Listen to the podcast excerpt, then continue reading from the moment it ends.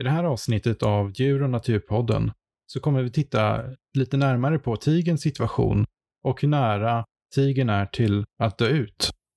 Jag kommer gå igenom de olika tigerunderarterna och jag som pratar heter David Bernvi. Häng med och lyssna på ett avsnitt av Djur och naturpodden.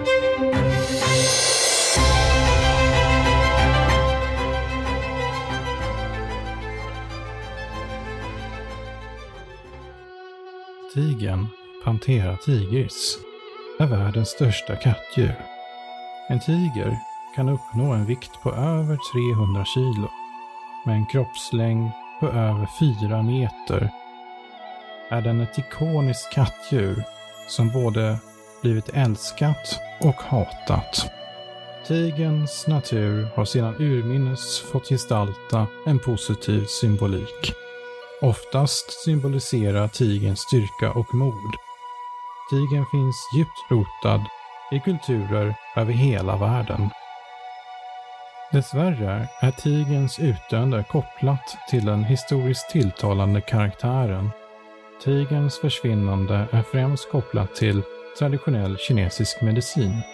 Kroppsdelar av tigern intas som medicin av personer med olika åkommor. Detta sker i tron om att patienterna ska få ta del av tigerns positiva egenskaper. Tigern riskerar nu utrotning i huvudsak på grund av den traditionella kinesiska medicinen.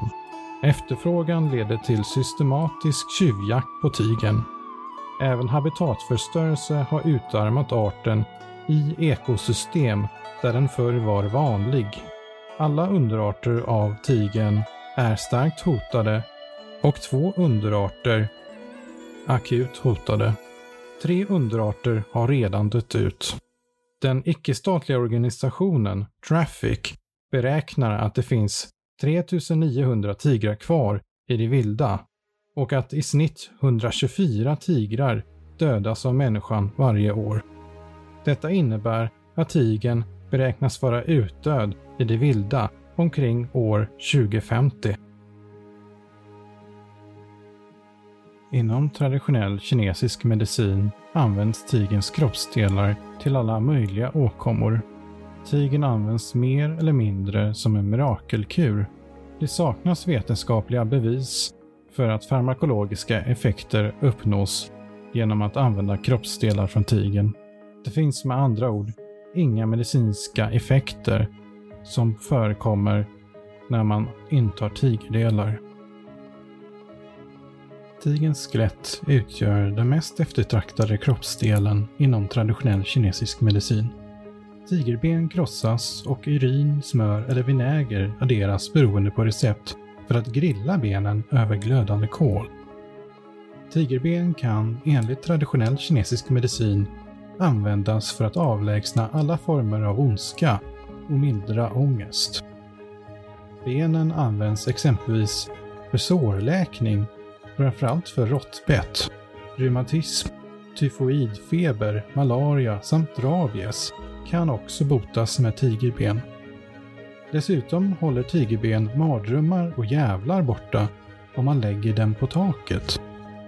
Enligt traditionell kinesisk medicin bör nyfödda barn badas i vinäger blandat med tigerben för att mota djävulsbesittning. Med hjälp av denna behandling kommer barnet växa upp friskt utan risk för skabb och kramper. Tigerbensbad är även bra för de som har problem med sina leder och för lindring av svullna fötter. Det finns också många fler fördelar som lyfts fram i 1500-talsverket Ben Kao Gangmu, en farmakopé av Li Chisen som utgör grunden för den traditionella kinesiska medicinen. Boken är ett slags farmakologiskt uppslagsverk enligt traditionell kinesisk medicin.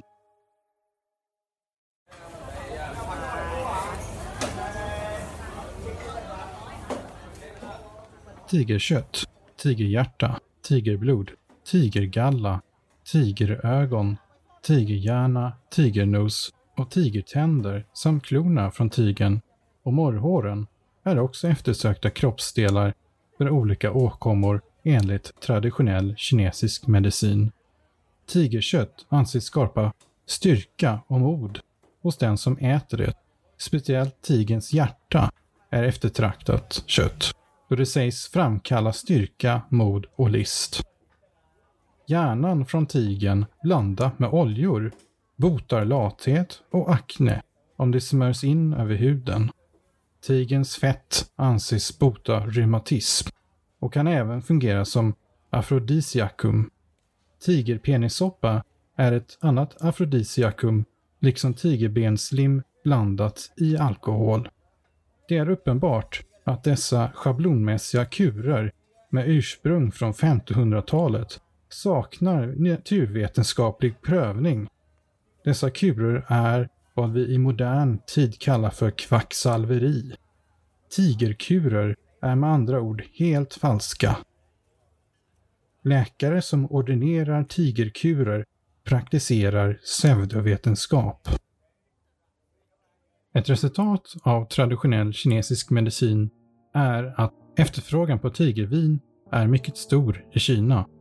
Tigervin anses föra med sig många positiva egenskaper för den som dricker det. På grund av den begränsade tillgången på vilda tigrar har tigerfarmar upprättats i Sydostasien under täckmanteln som tigerparker eller djurparker. Tigerfarmar som dessa är vanliga i Kina och i Thailand. Tigerfarmarna kan offentligt framställas som att de bedriver arbete för att bevara tigern. I själva verket fungerar dessa inrättningar som uppfödningsfarmar där tigrarna slaktas istället för att släppas ut i naturreservat. När tigrarna uppnått vuxen ålder eller när en dräktig tigerhona föder sina ungar blir tigrarna slaktade. Tigrar från det vilda kan också fångas för att säljas vidare till tigerfarmar. Priset på vildfångade tigrar är högre än för de uppfödda tigrarna. Det är omöjligt att skilja infångade tigrar från uppfödda tigrar för inspektörer. Tigerfarmar använder på detta sätt liknande metoder som organiserad brottslighet för att tvätta pengar. Tigerfarmarna är ett sätt att sälja vildfångade tigrar som uppfödda tigrar. På detta sätt kan tigerfarmarna fungera som ett tvätteri för tigerdelar. För att producera tigervin placeras skelettet från tigern i stora vintankar. Detta sker i ett destilleri och vinet lagras därefter i åratals innan det säljs vidare. Tigervinet säljs i Kina på industriell skala. En vinflaska med tigervin kostar i skrivande stund 600 till 1600 kronor. Och ett helt tigerskelett beräknas vara värt omkring 70 000 till 100 000 kronor. Enligt den brittiska stiftelsen Environmental Investigation Agency finns över 8000 tigrar på tigerfarmar i Sydostasien. Eftersom marknaden vuxit på grund av tigerfarmarna har det politiskt och ekonomiskt inflytande i Kina.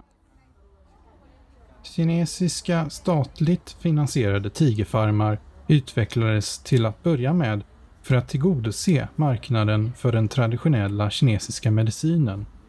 De första statliga tigerfarmarna byggdes under 1990-talet.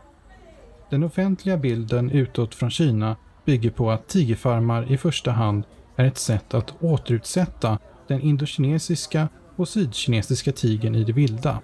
Efterfrågan på tigerben och andra kroppsdelar från tiger har dock genom de statliga uppfödningsprogrammen i tigerfarmar blivit en tillväxtfaktor för att tillgodose marknaden med tigerdelar.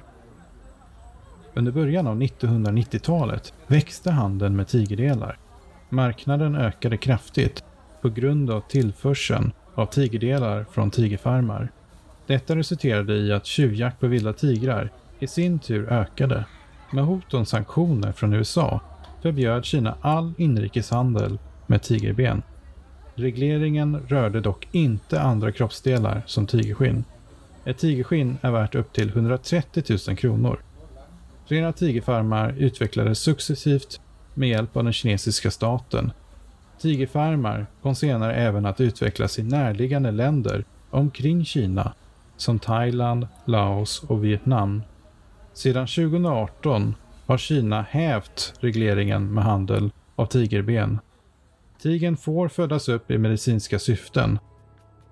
Det är med andra ord lagligt att slakta tigrar till den traditionella kinesiska medicinen i Kina. Turister bör undvika besök på djurparker med tigrar i Kina och Thailand. Tigerparker är egentligen tigerfarmar i Sydostasien. Djurparkerna är drivande i tigerutrotningen. Tigrarna på tigerparker och djurparker slaktas istället för att släppas ut i nationalparker. I Thailand är det inte lagligt att bedriva tigerfarmar för slakt av tiger. Istället exporteras tigrarna till Kina via Laos och Vietnam där slakten är laglig. Tre underarter av tiger är utdöda, vilket kvarlämnar fem nulevande underarter. De utdöda underarterna utgörs av Balitigern, som dog ut 1939 i den indonesiska provinsen Bali. Detta var också den minsta tigerunderarten känd. Javatigern levde på ön Java fram till 1976 Javatigern var också en förhållandevis småväxt underart. Den tredje utdöda underarten utgörs av den kaspiska tigern som försvann 1968. Kaspisk tiger var storvuxen och påminde om den sibiriska tigern. Den kaspiska tigern förekom utmed Kaukasus, i delar av Mellanöstern och Turkiet.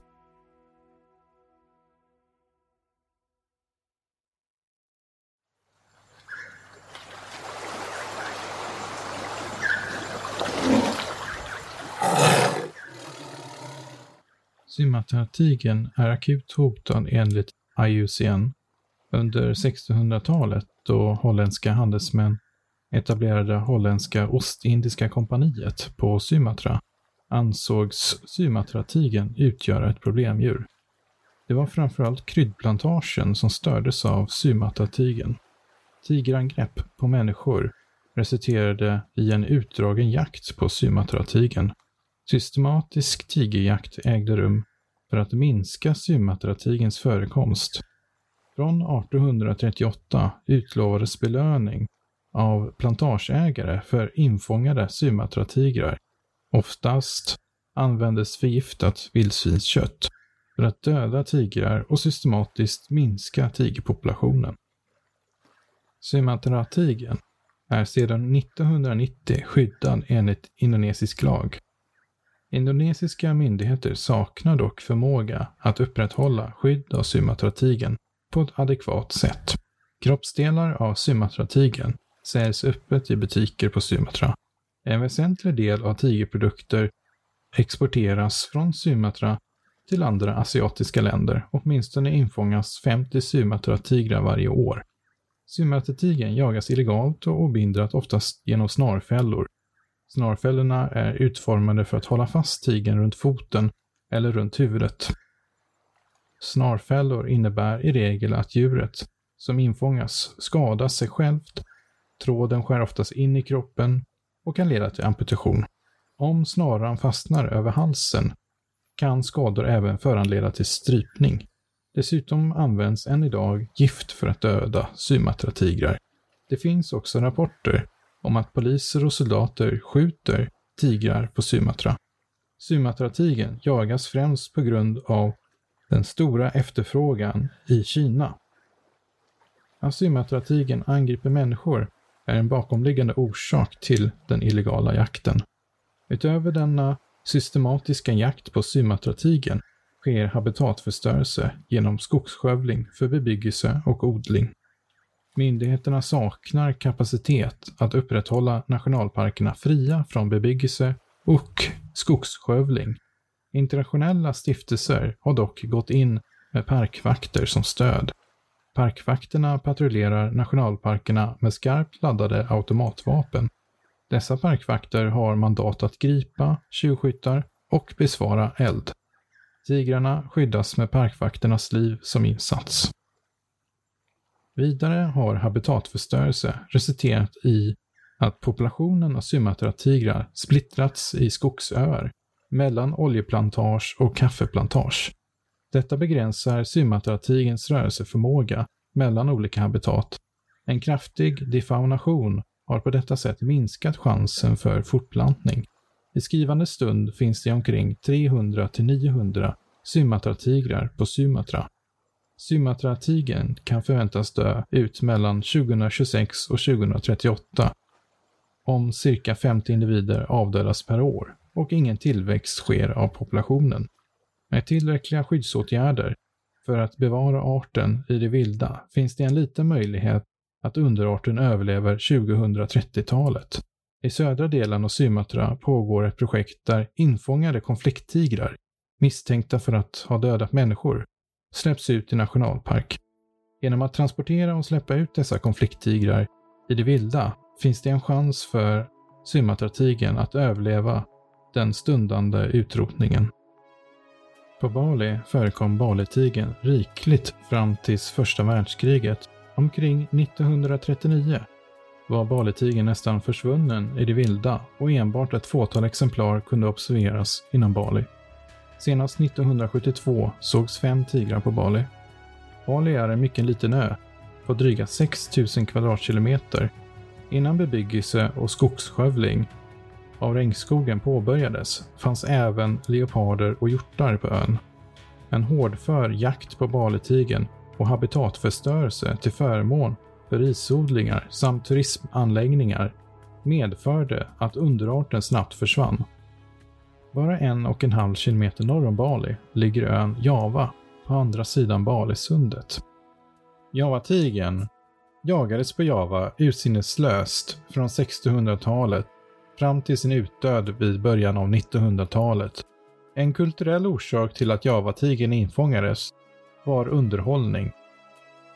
Dödskamper mellan tigrar och oxar iscensattes. På många sätt påminner denna djurhetsning mellan tigrar och oxar om ett grymt gladiatorspel i arenaliknande miljö. I en annan makaber djurhetsning infångades javatigrar och placerades i en arena varefter män med spjut omringade tigern.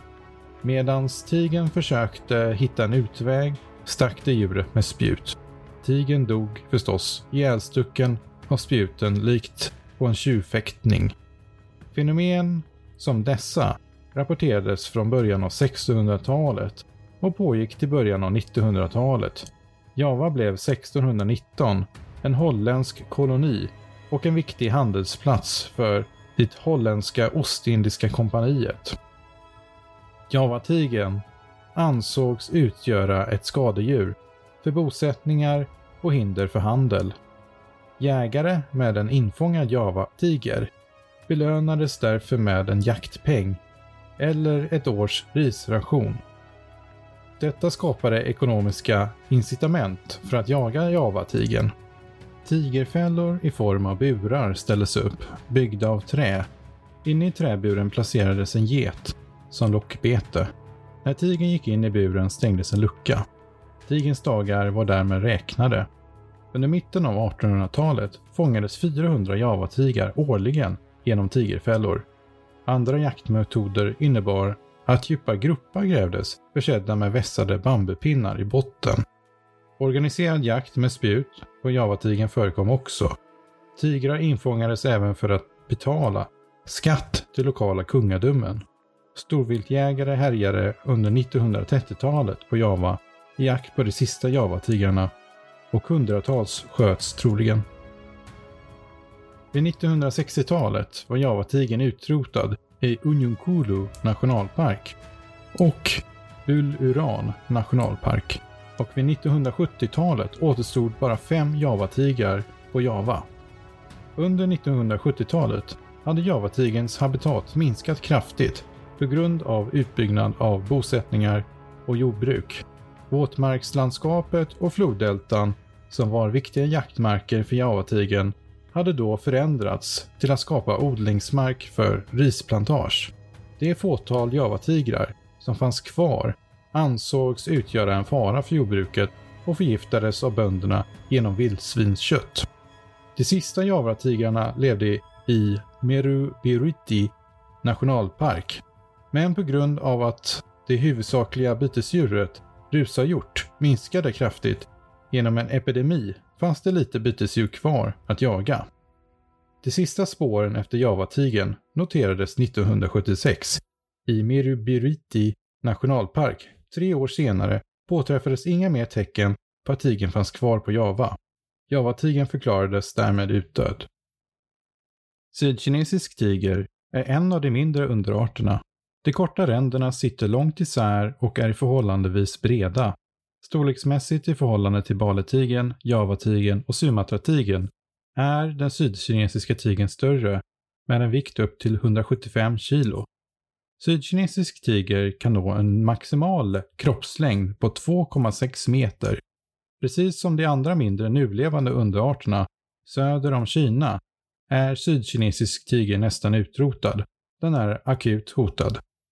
Den förekom tidigare i centrala och östra Kina. På grund av jakt och habitatförstörelse har underartens förekomst minskat kraftigt. Under 1950-talet och 1960-talet ansågs den sydkinesiska tigern utgöra ett problemdjur i Kina. Den kinesiska staten startade därför ett utrotningsprogram som innebar att tigern sköts till döds i mycket snabb takt. Detta utrotningsprogram ingick i Mao Zedongs samhällsomställning Det stora språnget, vilket innebar att jordbrukets produktivitet skulle skalas upp genom införandet av kollektivjordbruk. Detta innebar att befolkningen förflyttades inom Kina och att landskapen förändrades drastiskt för att öka jordbruksproduktionen. Sydkinesisk tiger var nästan utrotad 1977. Kina införde en lag för att förbjuda jakt på tigern. Då det saknades förmåga att upprätthålla lagen fortsatte jakten på tigrar obehindrat i Kina. Omkring ett decennium senare kunde det konstateras att omkring 40 sydkinesiska tigrar fanns kvar i det vilda. Under 1980-talet tog tjuvjakten på tiger fart eftersom efterfrågan av tigerdelar till traditionell kinesisk medicin ökade. Ett uppfödningsprogram initierades 1986 för att rädda underarten från ett säkert utdöende. Vid början av 2000-talet fanns det omkring 50 sydkinesiska tigrar i uppfödningsprogram eller i fångenskap. Vid denna tidsperiod var den sydkinesiska tigern nästintill utdöd i det vilda även om anekdotiska rapporter fortsätter komma in om dess förekomst. Under 2020 observerades en sydkinesisk tiger i Fujian inom Mehuans naturreservat. Just för tillfället är sydkinesisk tiger den ovanligaste underarten av tiger och står närmast intill randen till utrotning bland de fem nulevande underarterna. Den indokinesiska tigern har också minskat kraftigt och är starkt hotad. Den förekom förr i djungeln inom Myanmar, Thailand, Vietnam, Laos, Malaysia och Kambodja. Omkring 1100 till 1800 indokinesiska tigrar uppskattades förekomma vid början av 2000-talet. Efterfrågan på tigerdelar och habitatförstörelse har dock bidragit till att underarten minskat kraftigt. Omkring 150 till 250 indokinesiska tigrar uppskattades förekomma 1991 i Thailand. Senare studier från 2020 har visat att den indokinesiska tigern dött ut i Vietnam, Kambodja och Laos. Enbart i Myanmar och Thailand finns den indokinesiska tigern kvar i livskraftiga populationer i Thailand förekom 2020 cirka 100 till 250 individer.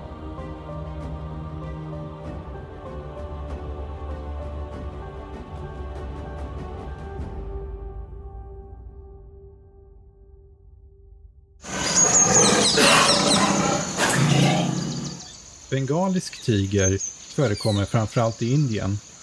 Den har dock också förekommit i Nepal, Sikkim och Bhutan samt Bangladesh.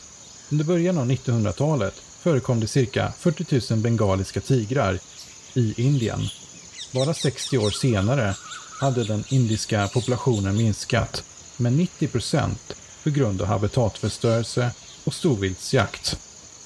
Till följd av den kraftiga minskningen ökade storviltsjakt på en bengalisk tiger vid 1960-talet. Ett skydd av underarten förväntades inrättas i Indien. Storviltjägare såg därför denna tid som den sista chansen att skjuta en tiger legalt.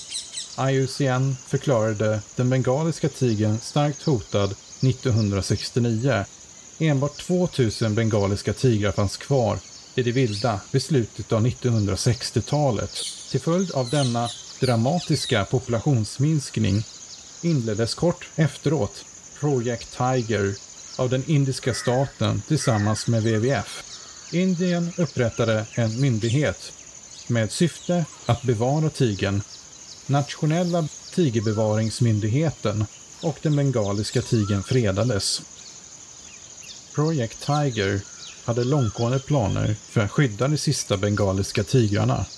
Den nyckelhabitat värnades för tigerns överlevnad. Under 1970-talet inrättades nio tigerreservat i Indien. I dessa tigerreservat förbjöds jordbruk och boskap samt skogsskövling.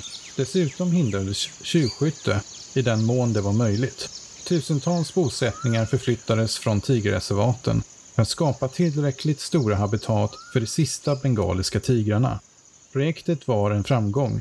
När människor förflyttades från reservaten återtog naturen habitaten där människor bosatt sig och belagt odlingsmark. Tigerns naturliga bytesdjur ökade i förekomst. Tigerpopulationen i Indien steg. Vid 1991 fanns 5 000 individer av bengaliska tigrar.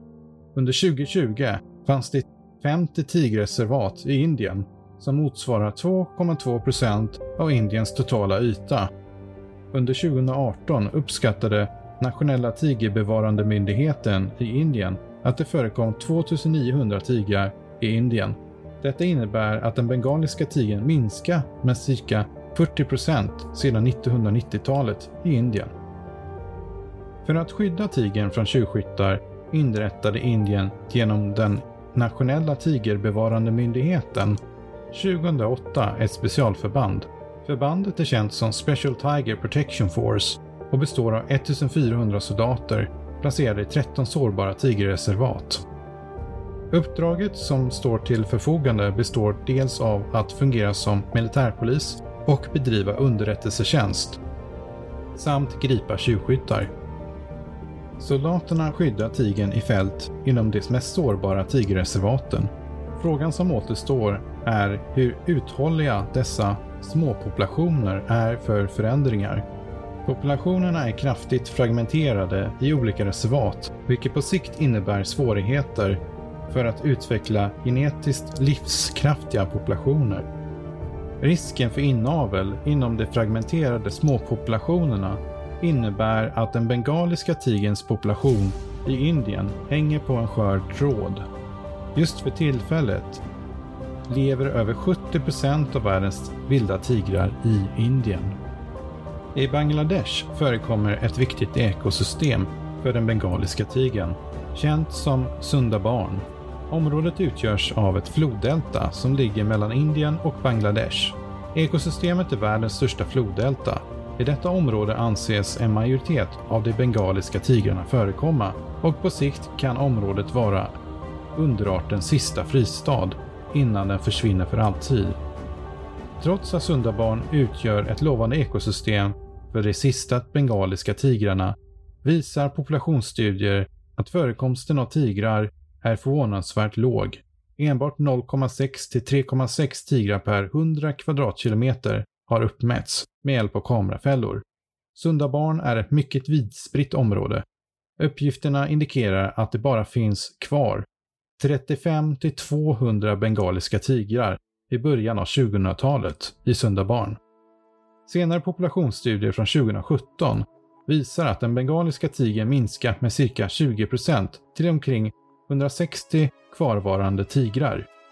Habitatförstörelse är ett stort hot mot den bengaliska tigern i sunda barn och vid 2050 förväntas 50% av ekosystemet gått förlorat.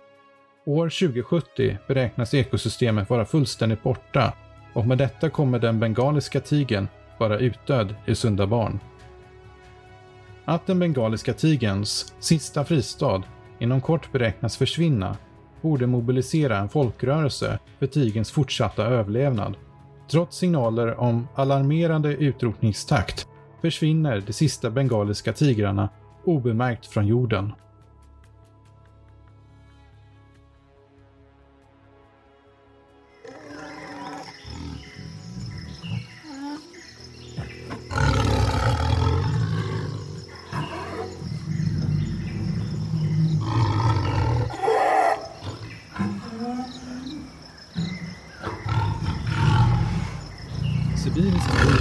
Utgör den största underarten av tiger sett till kroppsvikten. Sibirisk tiger har en tjock päls. Orsaken till detta är troligen att sibirisk tiger lever i kallare klimat, där en större kroppsmassa och en tjockare päls har varit fördelaktigt för överlevnad. Storleken för en sibirisk tiger kan uppgå till 300 kilo.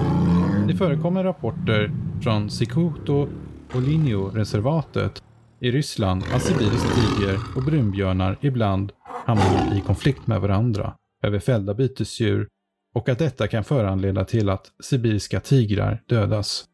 Dessa stridigheter måste minst sagt vara spektakulära att få bevittna.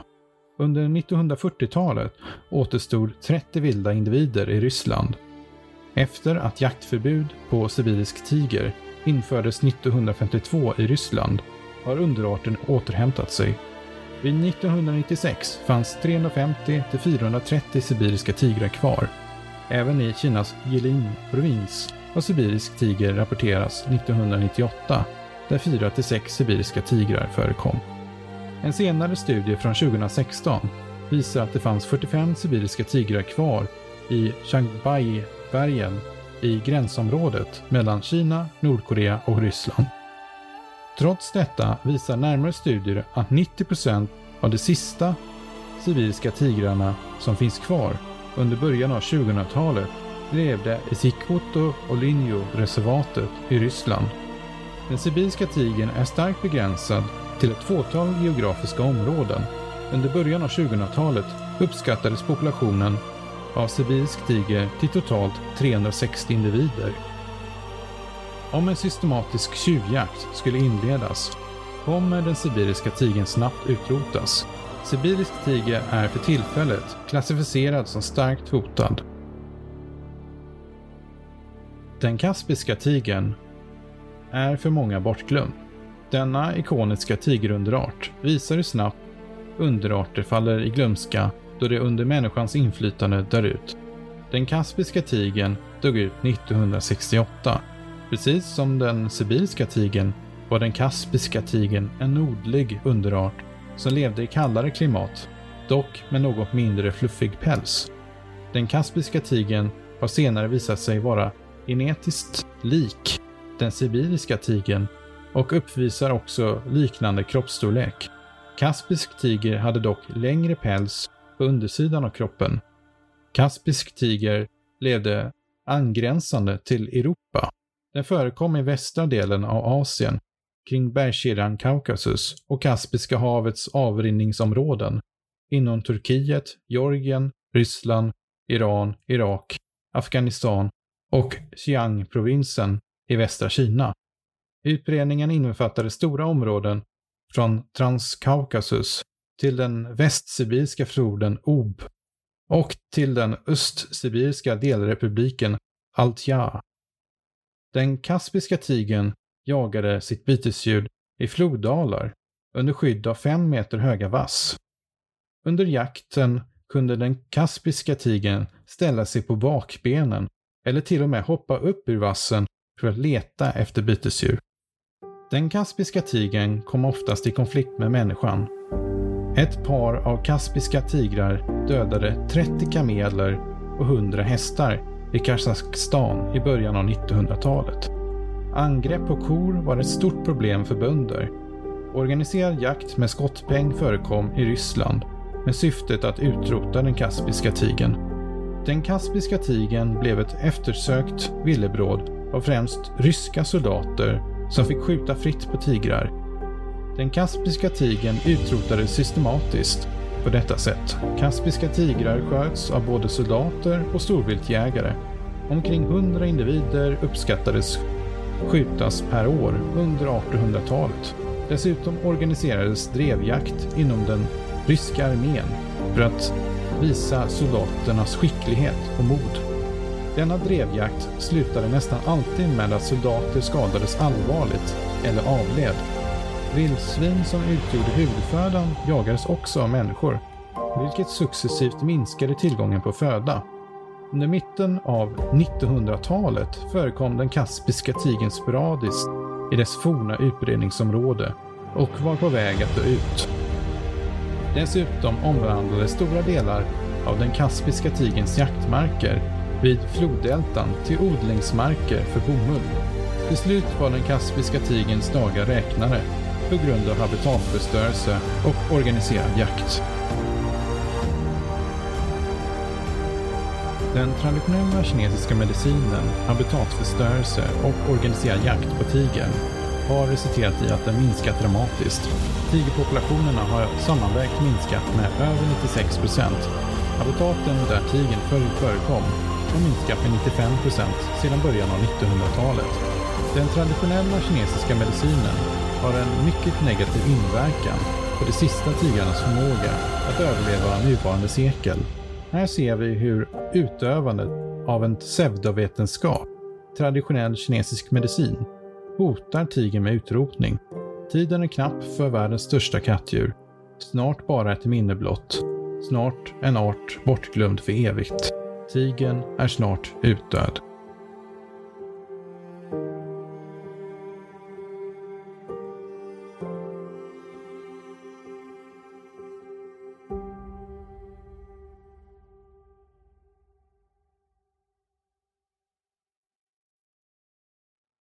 Tack för att du har lyssnat på ett avsnitt av Djur och naturpodden. Tigen är verkligen i behov av en nödaktion för att inte dö ut. Men vad kan vi göra här i Sverige? Kunskap är makt. För att öka förståelsen av tigens förödande situation är det avgörande att du sprider kunskap om att tigern är på väg att dö ut.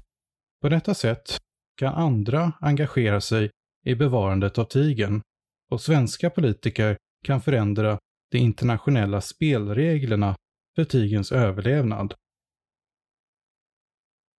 Dela gärna detta avsnitt vidare och sprid kunskapen vidare. För att öka spridningen kan du ge podden fem stjärnor. I nästa avsnitt kommer jag prata om ett ämne som står mig nära, nämligen hajarnas situation. Hajfinnssoppan är hajarnas största hot.